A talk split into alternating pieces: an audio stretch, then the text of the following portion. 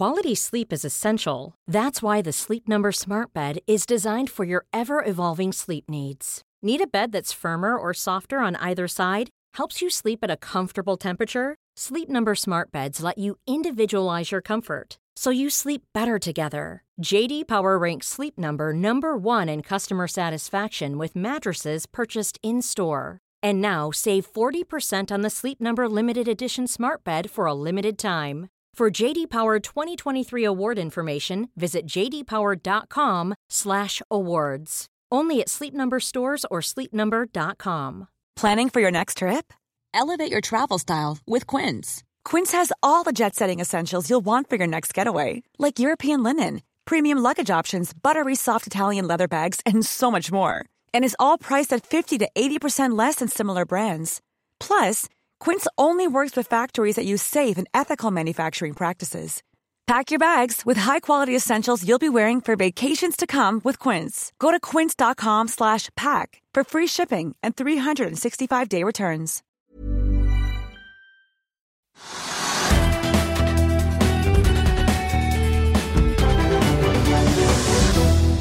En prisvekst som sprenger historiebøkene, ja det er fasiten etter første kvartal. Vi skal se nærmere på boligprisene, og vi får besøk av sjeføkonom Christian Bjerknes i NBBL i studio i dag. Vi ser også nærmere på om toppen er nådd for seismikkselskapet TGS, og vi skal høre mer fra Natos tidligere generalsekretær Anders Fogh Rasmussen.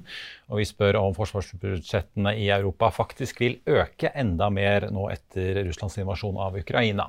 Velkommen til Økonominyhetene på denne tirsdag 5. april, der vi skal begynne å se på markedet og nyhetene som preger børsdagen i dag. Etter et fall på 0,4% i går, så er hovedindeksen så vidt opp i dag 0,1% Nordsjøoljen ligger ganske stabilt etter gårsdagens opptur og ligger nå og vaker på 107,5 dollar i spotmarkedet, mens den amerikanske lettoljen tok seg opp i går og ligger nå på 103 dollar og 70 cent. Rundt oss i Norden så er det grønt på egentlig alle indeksene, men nede på kontinentet så er det stort sett rødt, og det skjer etter en ganske god dag på Wall Street i går, men futuresene peker mot et lite tilbakefall når aksjemarkedet åpner der om en times tid. Dette skjer jo samtidig da som USA og Europa nå har nye samtaler om de skal stramme til sanksjonsskruen enda hardere mot Russland. Horisont Energi spretter opp ca. 11% på børsen i dag. Oljedirektoratet har sendt ut melding om at de nå tildeler tre selskaper av de fem som søkte letetillatelser for lagring av CO2 i Norge. Og dette er andre gang man tildeler slike lisenser i Norge. Første gang var jo Langskip-prosjektet til Equinor og partnerne, som da kom i 2019. Og nå tildeles to områder til. Et i Nordsjøen til Equinor som heter Smeaheia, og et annet i Barentshavet, som da tildeles Equinor, Vår Energi og da Horisont Energi. Dette er snakk om det såkalte Barents Blue-prosjektet, som vi jo har hørt om før her i sendingen. Horisont Energi og partnerne ønsker jo da å få inn naturgass fra felt i Barentshavet og lage hydrogen og ammoniakk av det på den planlagte fabrikken i Finnmark, og at CO2-en som da blir til overs, skal lagres ute i Polaris-reservoaret.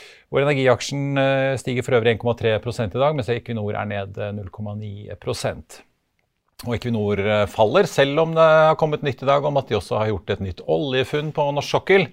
Funnet i Kveikjebrønnen like ved Fram-feltet estimeres til mellom 28 og 48 millioner fat oljeekvivalenter. Det kommer frem i en melding fra partneren Longboat Energy.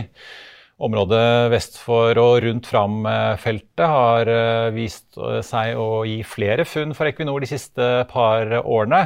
Equinor har en eierandel på 51% i lisensen der det nå har gjort et funn, og DNO har en andel på 29 mens Idemitsu og Longboat sitter på 10% hver, og DNO-aksjen er ned 1,8 i dag. Crayon faller hele 9% til 145 kroner aksjen i dag. Storaksjonæren Software One meldte jo i går kveld om at de skulle selge unna 4 millioner aksjer. Men salget endte med 4,4 millioner aksjer, da til nettopp 145 kroner stykket. Et aksjesalg på altså 638 millioner kroner. Etter nedsalget så sitter Software One igjen med et eierskap på 7,5% Så får vi ta med at elbilladeprodusenten Saptek stiger nesten over 4 i dag. De har kommet med en børsmelding om at de i første kvartal hadde inntekter på 133 millioner kroner. Det er en oppgang på 82% fra samme periode i fjor. Samtidig er ordreinngangen på hele 193 millioner, og det er også en kraftig oppgang og mer en dobling fra samme periode i fjor. altså. Samtidig så er det jo også sånn at Saptek nylig meldte om at uh, brikkemangel i Kina og da problemer med logistikken gjør at de må stanse produksjonen nå i april måned. Kahoot stiger fem, litt over 5 i dag. Japanske Softbank, som jo er Kahoots største aksjonær, har aksjer for rundt 1,7 milliarder kroner i e-læringsselskapet gjennom hedgefondet sitt Softbank Northstar. Nå skal Softbank ha solgt unna så å si alle posisjonene sine i dette fondet etter å ha tatt et tap på mellom 6 og 7 milliarder kroner i fondet totalt sett. Og dollar altså, noe som tilsvarer litt over 60 milliarder kroner. Og fremtiden til dette fondet har vært i limbo helt siden november, da Softbank-grunnlegger Mayoshi Son fortalte investorer at Northstar var ved veis ende. Da skal vi over til dagens aksjetips. I gårsdagens sending snakket jo Kristin Holt om hvordan vi nå kan se en opptur i flere deler av den skadeskutte offshorenæringen, nå som både olje- og gassprisene er skyhøye etter flere magre år i bransjen. En av segmentene som flere har spekulert i, er seismikk, og nærmere bestemt av TGS. Og som kollega Sindre Nikolai Aker kan melde om, så er analytikerne nå delt i synet på om aksjen har enda mer å gå på eller ei. To av Norges aller beste investorer gikk tungt inn i TGS for én måned siden. I dag spår én analytiker rally i aksjen, mens en annen tror kursen vil stupe. Dette er meglerhusenes viktigste oppdateringer tirsdag 5. april. Herman Lia i SEB hever kursmålet solid i Kongsberg Gruppen. Kongsberg meldte i dag at australske myndigheter har godkjent en av selskapets missiler, og mandag vant Kongsberg Maritime to kontrakter til en verdi av over 360 millioner kroner. Men det holder ikke for Herman Lie. Han mener selskapet er pressa på akkurat de samme punktene som resten av verden sliter med. Utfordringer i forsyningskjeden og inflasjonspress. SEB-analytikeren øker kursmålet fra 315 til 370 kroner, men mener aksjen har gått nok og går fra kjøp til hold. Investor Åsul Tveitereid og platekompanigründer Egil Dahl gikk inn med rundt 100 millioner kroner hver i seismikkselskapet TGS for en måned siden. Aksjen skjøt raskt opp til 30% etter bjellesauene tok posisjon, og nå har også Sparebank1-analytiker Kristoffer Møllerløkken fulgt bjelleklangen. I en ny analyse oppjusterer han kursmålet fra 125 til 173 kroner, og fra hold til kjøp. Kim André Ugdal i SEB er imidlertid helt uenig. Han kom også med ny analyse på aksjen i dag, men har satt kursmålet til 99 kroner og anbefaler hold. Han har vært notorisk negativ til aksjen de siste årene, og gikk fra selv til hold eh, i april i fjor. Ugdal ser etter endringen 24% nedside i aksjen. Blant ti analytikere anbefaler to kjøp, fire hold og fire selv. Tor Olav Trøims gassrederi Cool Company møter sterk konkurranse i Flex LNG. ABG har fått Petter Haugen som ny analytiker, som dekker LNG-sektoren, og han dobler i dag kursmålet på aksjen fra 140 kroner til 289 kroner. Aksjen har mer enn tredoblet seg på børs det siste året, men det ser ikke ut til å ha noen effekt på Haugens tilnærming. Haugen tror ratene i LNG-sektoren kan nå all time high allerede neste vinter, og har et EBITDA-estimat i 2023 som ligger godt over konsensus for årene fremover. Og da kan vi ta med at TGS-aksjen er opp 2,3% i dag, og er dermed opp 58% siden nyttår. Kongsberg Gruppen er opp en knapp prosent, men de har også steget ganske solid i år, opp 27% og Flex LNG, som ble snakket om på slutten her, er ned så vidt i dag, men er likevel opp 26 eh, siden nyttår, før eh, vi regner med utbytte. Før vi går videre i sendingen, husk at du også kan se sendingene våre ved å gå inn på fano-tv, og at vi også har andre podkaster enn bare Økonominyhetene, som Morgenkaffen, Gründerpodkasten Veien hit, Ukens vintips, Kunstpraten og bilpodkasten Mil etter mil. De finner du ved å søke Finansavisen der du hører på podkast. Og Da skal vi snakke boligpriser, og boligprisene de steg med 1,1% i mars måned, korrigert for sesongvariasjoner. Så var prisveksten på 1% blank, ifølge ferske tall fra bransjen. Og som kollega Håkon Løtveit kan melde, så er dette ny rekord. Dette er altså den, det sterkeste kvartalet eh, noen gang i boligstatistikkens eh, historie. Eh, hva kan du si om det? Det er ganske tydelig at vi, den svake tilbudssiden vi har hatt hittil i år, den har gjort at konkurransen har blitt stor, og det har drevet prisen opp. og Det ser vi fortsatt tegn til i mars. Hva, hvor lenge kan dette vare, og hvor mye taler for en eh, korreksjon?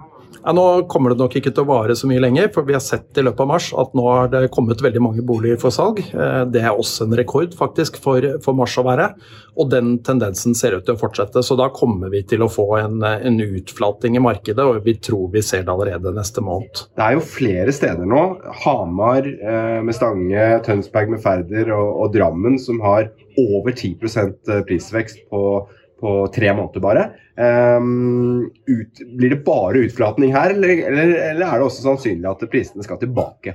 Ja, vi kommer nok til å se på årsvekst som, eh, som, kommer til å gå ned veldig mange steder. Sånn at vi kommer ned på en, en mye lavere vekst enn de 10% vi ser disse stedene. Så eh, det tror jeg vi kan være ganske trygge på. Dere har jo snakket om at uh, boligprisveksten ville være sterk frem mot påske.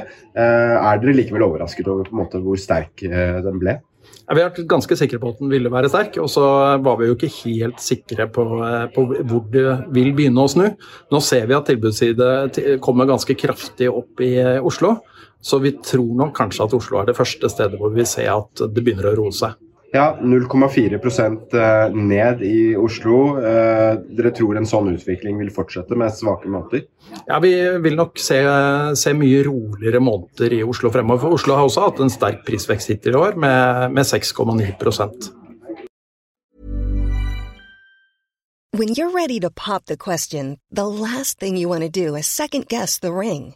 At BlueNile.com you can design a one-of-a-kind ring with the ease and convenience of shopping online. Choose your diamond and setting. When you find the one, you'll get it delivered right to your door. Go to Bluenile.com and use promo code LISTEN to get $50 off your purchase of $500 or more. That's code LISTEN at Bluenile.com for $50 off your purchase. Bluenile.com code LISTEN. I'll see you in court. Vi sier det ofte litt på spøk, men for deg som driver business, er det aldri moro å innse at du ikke har laget en 100% gyldig kontrakt. Du bør ikke risikere hele firmaet ditt fordi du synes dette med kontrakter er litt stress. En avtale er ikke en avtale. Du kan miste kunder, miste venner, ja, til og med miste inntekter, om du ikke lager en skikkelig kontrakt, på alt mulig, egentlig. Men vi vet det er et styr. Kopimaskiner, tregprinter og haugevis av papir. Dessuten stoler vi jo på folk her i landet. Det er ofte litt kleint å skulle be om en signatur for alt mulig, ja, for mye av styret handler også om jakten på underskriften. Det finnes en enkel måte å løse dette på, Dukkobit, en trygg, effektiv og get this, gratis måte å sikre seg en god natts søvn pluss en juridisk bindende avtale. Dukkobit-appen har de strengeste sikkerhetskrav i bunn, samt en EU-godkjent og sertifisert teknologi. Framover vil det bli behagelig å spørre du, skal vi skrive under på det, eller? Kom i gang på dokobit.no. Da har jeg fått besøk i studio av Kristian eh, Bjerknes, sjeføkonom i NBBL, eller som det jo egentlig står for Norges, bolig, hva heter det? Norges Boligbyggelags Landsforbund. Landsforbund. Ja, nettopp, ja. Det er kanskje like rett at det er NBBL. Da bruker jeg NBBL, det er fint. Velkommen. takk. Et brennhett boligmarked fortsatt, uh, virker det som. Er du overrasket over at den prisveksten vi så i januar og februar ser ut til å fortsette å holde koken uh, helt ut kvartalet? Eh, ikke ut kvartalet. Eh, altså Det var sterkere enn jeg hadde venta. Ja. Det var det. Eh, vi forventa litt at det ville komme litt ned nå.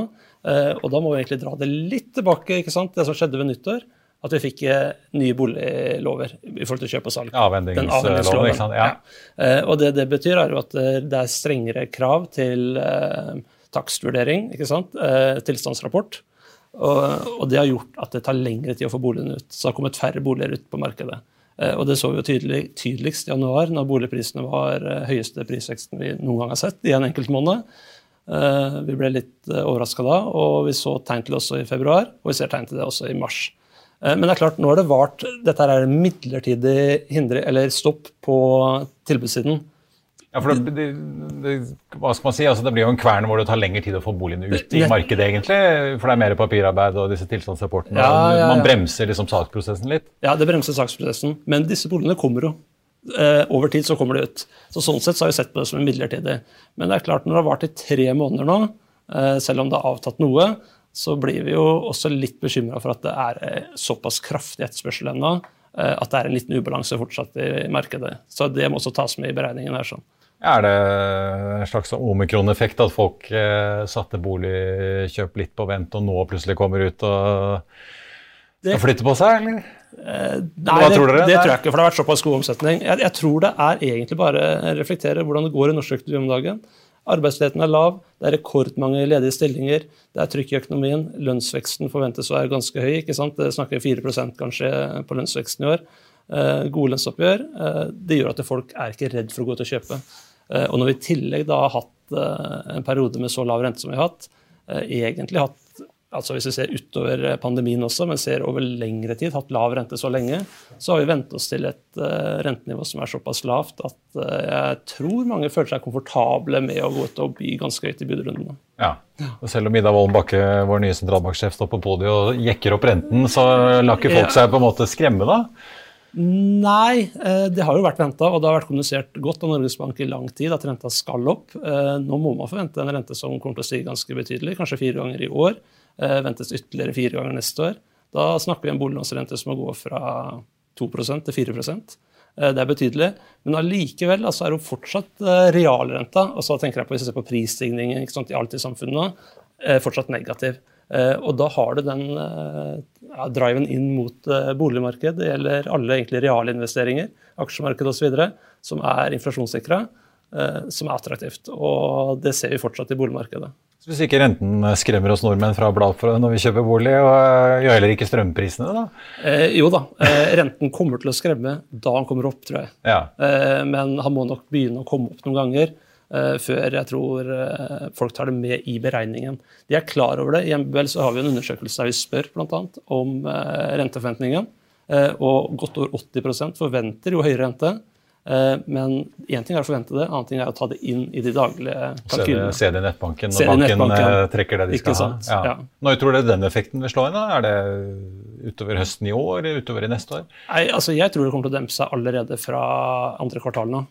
Uh, boligprisene tror jeg kommer til å komme noe ned. Uh, det bygges nokså mye. Uh, renta kommer opp. strømprisene som du er inne på, ikke sant? strammer litt til. Eh, I tillegg så har det denne effekten med avvendingsloven som har vært eh, midlertidig. Eh, I sum så mener jeg at det vil bidra til at boligprisene kommer ned. Og det får vi håpe at det gjør, for nå har det steget 20% på to år siden pandemien traff. Ganske eksepsjonelt. En periode med veldig press i markedet. Så for de som skal inn i boligmarkedet, førstegangskjøpere, de som skal flytte osv. flytte opp i boligmarkedet, så er det en helt klar fordel hvis vi får en mer stabilitet inn i markedet. Nå viser jo tallene fra Eiendom Norge da, en prisoppgang det siste året på 6,2% Så slapp jo dere deres statistikk da for borettslagsleiligheter i går, mm. eh, hvor årsveksten var på 7,5 er, er det, Hva kommer den forskjellen av? Eh, nei, Det er jo utvalget. Også i, ja. vår, eh, I våre statistikk så ser vi jo på borettslagsboliger. Eh, det er jo generelt ganske små, nøkterne boliger. Ofte to-treroms 60-70 eh, kvadratsboliger. Ofte plassert sentralt i byer. Så det kan være den type effekten at det, at det påvirker. Men det er et utvalgseffekt. Ja. ja. Så, men over tid så korrelerer de ganske tett. Og det viser jo i stor grad det samme bildet. Nå sier jo Henning Lauritzen at det aldri har vært lagt ut så mange boliger for salg som i mars. Er da på en måte et enormt vårslipp på gang og proppen helt ute av denne tilstandsrapportbremsen? Eh, ja, altså jeg hadde trodd det skulle dempe seg mer i mars. Eh, fordi jeg trodde kom, eh, at når det kom noe flere boliger, eh, markedet normaliserte seg litt, så ville, ville det dempe trykket i budrundene. Men eh, nå ser det ikke ut som det har gjort det. 1 på én måned er eh, ganske heftig. Eh, så ja, men jeg tror det vil gjøre det. Men vi skal være åpne for at etterspørselen er sterkere enn vi faktisk, eh, faktisk tror. Så apriltallene blir kanskje da ekstra viktig å følge med på for å se helt, helt hvor, måte, hvor, stor den appetitten eh, for boliger egentlig er? Ja, helt klart. Og det vil nok også påvirke Norges Bank. Norges Bank har lagt mer vekt på boligmarkedet siste året. Og det er klart at hvis bolig, For de forventer at boligprisene skulle flate ut nå. Hvis de ser at boligprisene stiger ja, prosent om måneden, halv prosent, at du får en prisvekst på 6-7-8 i løpet av året, så vil nok det påvirke at de vil stramme enda raskere kanskje inn. Ja, ja, det, ja, for de har jo signalisert som du var inne på, at vi får en boliglånsrente på rundt 4 ja. i 2025. Ja, og det, eh, ja, i løpet av ja, 2024. I hvert fall det de skrev i pengepolitisk rapport. Ja, ja 2024. Altså i løpet av to år så kommer renta til å være oppe i 4 eh, Og de, de kan nok fremskynde det dersom eh, boligprisene forblir på i den takten de har nå, så vil de fremskynde helt klart. Ja. Eh, dere har jo også kommet med barometeret deres for ikke så veldig lenge siden for året. Hva, hva tror du årsveksten ender på da? Tør du oss på? Boligprisene eh, Nå har vi ikke noen prognose ute nå. Eh, ved nyttår eh, så um, forventa vi en prisvekst på rundt 3-4 Det var det vi, vi, så for oss egentlig normalisering. Og så er alle som lager sånne prognoser og, vet at, og alle som følger med på prognoser og vet at vi bommer jo hit og gevær alle sammen. I hvert fall under koronapandemien. Ja, alle bommet, ja. Hvem så for seg en sånn type eksplosjon eh, inn i en sånn krise? Men uh, nei, vi så for oss egentlig at det skulle normaliseres. Uh, effekten av avhendingsloven kom som en overraskelse. Vi frykta jo egentlig at det ville bli veldig mye konflikter vi avhendingsloven, ikke sant? At man skulle krangle om 10 000 eller 20 000 av feil på boliger. Uh, Isteden så det vi har, Hovedeffekten til nå har jo vært at det har kommet færre boliger på markedet. Uh, og prisene har stukket av gårde. Uh, men vi holder egentlig på den grunnleggende prognosen, og det er at vi får en mer moderat prisstigning. Ja. Uh, og det baserer vi på, på, at renten kommer opp, og vi baserer på at det fortsatt bygges nokså bra. Et lite unntak der er Oslo. Oslo bygges jo for lite. Det har jo vært et uh, kjent problem. i, ja, i Da regner du med at uh, prisveksten bremser ganske kraftig opp nå fra våren? egentlig da? Ja, ja. Uh, det er det vi forventer. April, mai, utover. Ja. Men apropos nybolig, ja, hvordan ser egentlig tilførselen ut inn i markedet? Du, du nevnte jo Oslo, at der kommer det lite inn. Ja, altså I Oslo så har man en takt på 2500 i året nå. Eh? Og Det ser vi jo, for vi ser hva som går til igangsettingstillatelser, søknader osv. Eh, og det tar jo gjerne to-tre år før man får ut i markedet. Eh, så det kommer ikke mange boliger i Oslo de neste åra. Eh, Hvordan er det historisk sett? Er det altså Det er ikke så veldig langt unna historien, men det er jo det som er det, det, er det, som er det litt uheldige i Oslo. Det har vært bygd, eh, De siste 20 åra har vært bygd ca. 60 000 boliger i Oslo, med en befolkningsvekst på 200 000. Eh, så vet vi jo at det bor litt under to per eh, bolig. Så ser vi at vi kunne bygd, bygd det dobbelt i Oslo for å liksom møtte presset da, som det er inn i, inn i hovedstaden. på folk som Ca. 3000 i året? Ja, det har vært cirka der. Ja, det har vært, vært, der. Nå ligger vi litt under. vi hadde noen gode år. Hvis du tenker tilbake på 17, 18 og 19 helt opp til pandemien, så ble det bygd bra i Oslo. Da var, da var byggetallet opp mot 4000-5000. Eh, på landsbasis også, så var det jo høyeste boligbyggingen siden tidlig 80-tall. Eh, men det som liksom karakteriserer den perioden, var at vi hadde stabile boligpriser. Boligprisene steg 1-2-3% i året. Det ble bygd mye. Renta kom opp. Da gikk den opp den gang fra 0,5 til 1,5. Og så fikk vi en innstramming i boliglånsforskriften. Det var det som skulle til for å stabilisere, stabilisere markedet. Nå får vi håpe at ikke økende og galopperende byggekostnader tar knekken på boligbyggingen nå de nærmeste åra, eh, at vi klarer å opprettholde nokså god produksjon, og renta kommer opp, så tror jeg jo at boligprisene vil stabilisere seg. Men, ja, men hvor lenge regner du med ja, 2500 i året i Oslo omtrent? Hvor lenge utholder det tempoet med ja, det, det, dere ser av data nå? Ja, Det vil være de neste åra. Ja. Ja, ja, det, er ikke, det er ikke planlagt igangsatt uh, noe mer enn det egentlig sånn som det er nå. Hvordan er det, den famøse randsonen rundt Oslo, som jo absorberer veldig mange mennesker som etter hvert finner ut at eh, de har ikke råd til å bo i denne byen lenger og må flytte ut? Der er byggeaktiviteten god. Eh, ja. og det er klart, du, du, må se dette her i sammenheng. Fordi Oslo er jo ikke bare Oslo kommune, det er Stor-Oslo. selv så flytta jeg fra Oslo til Fredrikstad for to år siden. og jeg er fra Fredrikstad opprinnelig. Og det er klart, vi har sett at mange av de altså satellittbyene rundt har prisene steget, eh, steget veldig bra de siste åra. Eh, og særlig etter pandemien, da, med mulighet for hjemmekontor, mange jobber eh, sånn type 40-60, ikke sånn to dager hjemme, tre dager på kontoret, så er det nok Litt enklere å sette biler fra toget fra Fredrikstad til Oslo de dagene? Nettopp, ja. og særlig sant, når det er i min, min, fasen jeg er, da, med småbarn, med skolebarn og den type ting. Så det å komme ut av byen, eh, få ja, hage større plass, det er, eh, det er, nok forlokkende for mange. Særlig sånn som boligprisene er. Faktisk ha et hjemmekontor, ikke bare sitte på kjøkkenbenken. Ja, ikke sant. Ja, men så, det, så, utenfor Oslo, der tas det jo, der er bygget på høyre og tar unna sånn sett en del av den etterspørselen ja, som er. da. Ja, men allikevel så er det jo litt trist at ikke man skal kunne, hvis man må flytte ut pga. økonomi, ikke sant. At ikke hovedstaden skal være tilgjengelig for sykepleiere, for eh, alle på vanlige, normale lønninger. Eh, at de skal føle at eh, de må ta seg såpass vann over hodet og låne så mye penger for å bosette seg i hovedstaden, det er jo trist.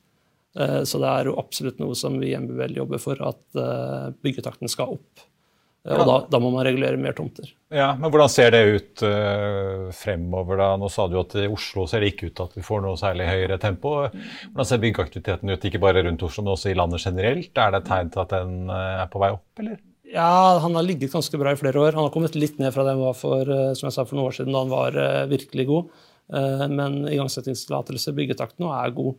Det er vel omtrent en, ja, mellom 45 000 og 50 000 boliger igangsatt som driver og bygger. Uh, så kan du regne kanskje at det tar et halvannet til to år å få de ferdige i snitt. Altså da snakker vi om en ferdigstillelse på mellom 25 000 og 30 000 i året. Ja. Er det noe tegn til at alle de økte kostnadene på ja, ikke bare terrassebord, men uh, alt av råvarer og materialer egentlig demper dette her? Uh, nei, det, du ser jo prisstatistikken i dag. ikke sant? Du tar det til prisene. Mm. Etterspørselen er såpass god. Uh, og det det kveler ikke selve bygge, interessen for å bygge? Nei, interessen for å bygge er der.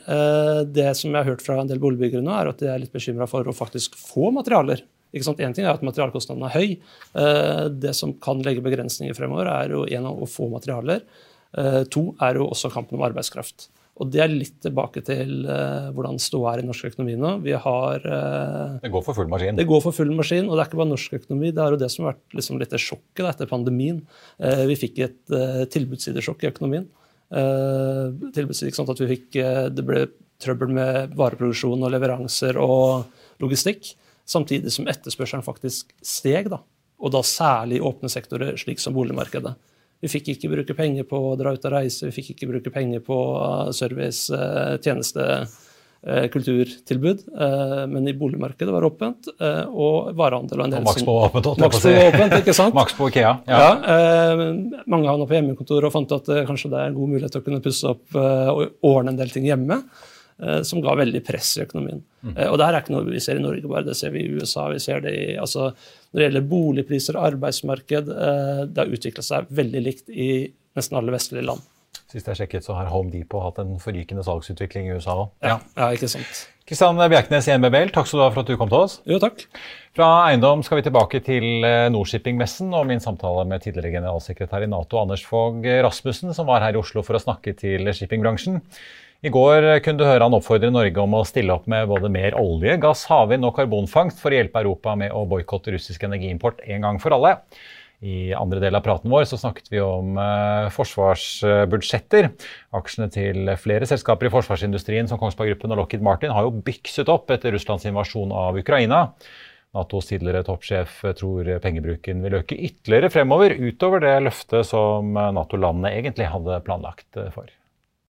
Jeg må høre med deg om eh, forsvarspolitikken. Eh, du har jo vært generalsekretær i Nato, eh, og kom jo da før Jens Stoltenberg.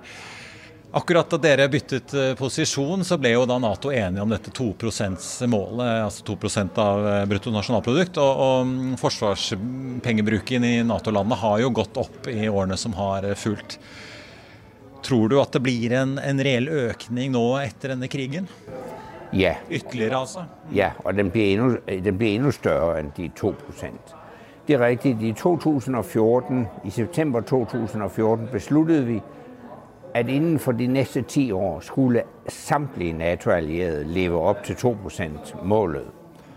Øh, og øh, det er gået i den riktige retning. Men altså spesielt nå, efter Russlands angrep øh, på Ukraine, så bliver der sat fart på øh, forsvarsinvesteringerne rundt omkring. Og helt tydeligt har vi set det i Tyskland, mest markant i Tyskland vil jeg sige.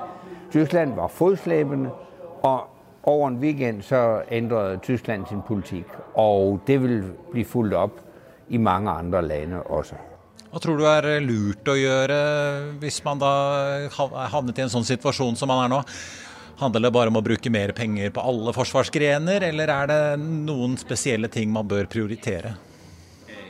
Det er klart at, at uh, det er spesielle kapasiteter som vi har bruk for. Hvis vi tar Europa Vi har bruk for mye transportkapasitet. Vi, vi har flere soldater enn de har i, i USA, men vi kan ikke flytte dem. Altså, så snart vi skal delta i en operasjon et eller annet sted, så skal vi be amerikanerne øh, om hjelp. Så vi har bruk for mer øh, transportkapasitet. Vi har brug for mer sofistikerede øh, militære kapasiteter til at øh, øh, overvåge hva der sker øh, på jorden.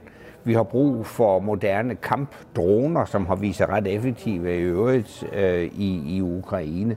Så vi skal ikke bare sprede pengene øh, tyndt ud over det hele. Nej, vi skal fokusere på fremtidens militære teknologier. Hva tror du denne situasjonen i Ukraina vil ende med, da? Blir det Vinner Ukraina, eller må de leve med at Russland eh, tar noen deler av landet deres? Dessverre så tror jeg først og fremmest at krigen den vil trekke ut. Altså vi kan jo glede oss over at Putins første planer de er totalt kullkastet. kuldkastet. Altså. Han tar ikke Kiev. Han har ikke taget Kiev øh, og trekker nå soldater tilbake fra Kiev, men man skal ikke ta fejl. Russerne bliver i Ukraine. Han flytter bare tropperne mod syd, og det jeg forventer er en fortsat russisk besættelse af det sydlige og det østlige af Ukraine, og vi risikerer, at krigen den trækker ud.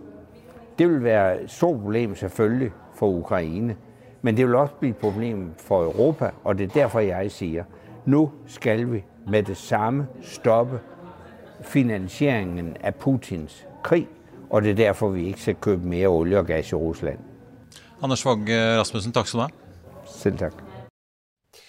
Otolvo har eh, jo lansert batteriløsninger for hjem i Italia, Tyskland og Spania i året som har eh, gått. Og nå melder solselskap, sol, eh, hva skal vi si, plattformselskapet for solceller at de nå vil lansere den samme pakken i både Frankrike og Polen. Den aksjen er ned 0,4 i dag. Og så melder oppdrettsselskapet Bakkafrost om ferske slaktetall for første kvartal. Den aksjen stiger 0,8 i dag. Så også ta med at Eh, teknologiselskapet Explora er ned 2 De melder om at de nå etablerer tjenestene sine i Storbritannia fra og med andre kvartal. Selskapet som selger disse smartklokkene for barn, kaller avtalen med IQ for et eh, gjennombrudd. Og så skal vi ta en titt på markedet akkurat nå. Oslo Børs eh, ligger opp nå 0,35% til 1268 poeng. Og det er jo da med litt drahjelp fra en oljepris som nå er opp 0,1% omtrent til 108 dollar og 70 cent i spotmarkedet for et fat eh, nordsjøolje. Den amerikanske letteoljen ligger på 104 dollar og 60 cent. Og eh, ser vi da på noen av de aksjene som eh, vi har snakket om tidligere i dag, så er Horisont Energi nå opp 5,8% og har dermed fått litt tilbake fra den oppgangen på godt over 10% som vi så tidligere i dag på meldingen om at Oljedirektoratet da har gitt dem lisens sammen med Equinor og Vår Energi for å eh, drive med CO2-lagring i eh, Barentshavet. DNO faller 1 i dag. Equinor har jo da gjort et funn eh, like ved Fram, der hvor DNO er medeier. TGS, som vi også snakket om, opp 2,5 i dag. Crayon er nå ned hele 11% etter dette store aksjesalget til Software One. Det ble gjort til 145 kroner. Denne aksjen ligger nå på 142. Og så får vi også ta med da Saptek, som kom med omsetningstall for første kvartal. Den aksjen er opp 3,6% i Finansavisen i morgen kan du lese Trygve Egnars leder om SVs Kari Elisabeth Kaski sin medisin mot inflasjon, mer skatt. Du kan også lese om to analytikere som høyner i både Yara og Norsk Hydro. Det blir børsintervju med Nicolas Salbu i Sissener, og selvfølgelig masse mer børs- og næringslivsstoff. Det var det vi hadde for deg her i dag, men vi er tilbake igjen i morgen klokken 14.30. I mellomtiden får du som alltid siste nytt på FA.no. Mitt navn er Marius Lorentzen. Takk for at du så på, og så håper jeg vi ses igjen i morgen.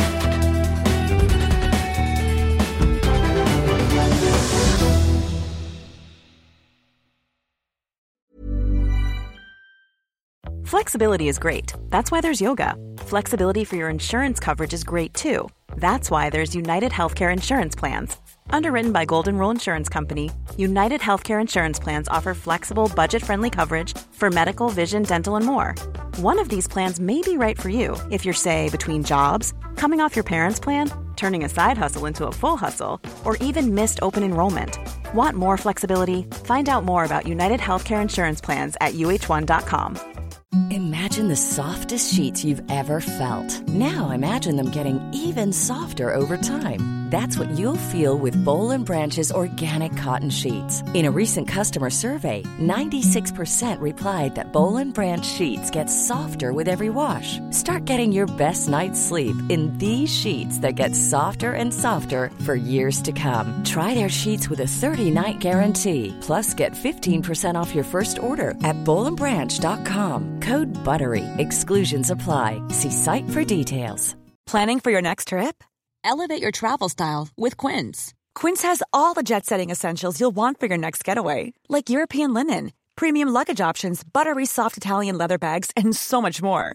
And is all priced at 50 to 80% less than similar brands. Plus, Quince only works with factories that use safe and ethical manufacturing practices.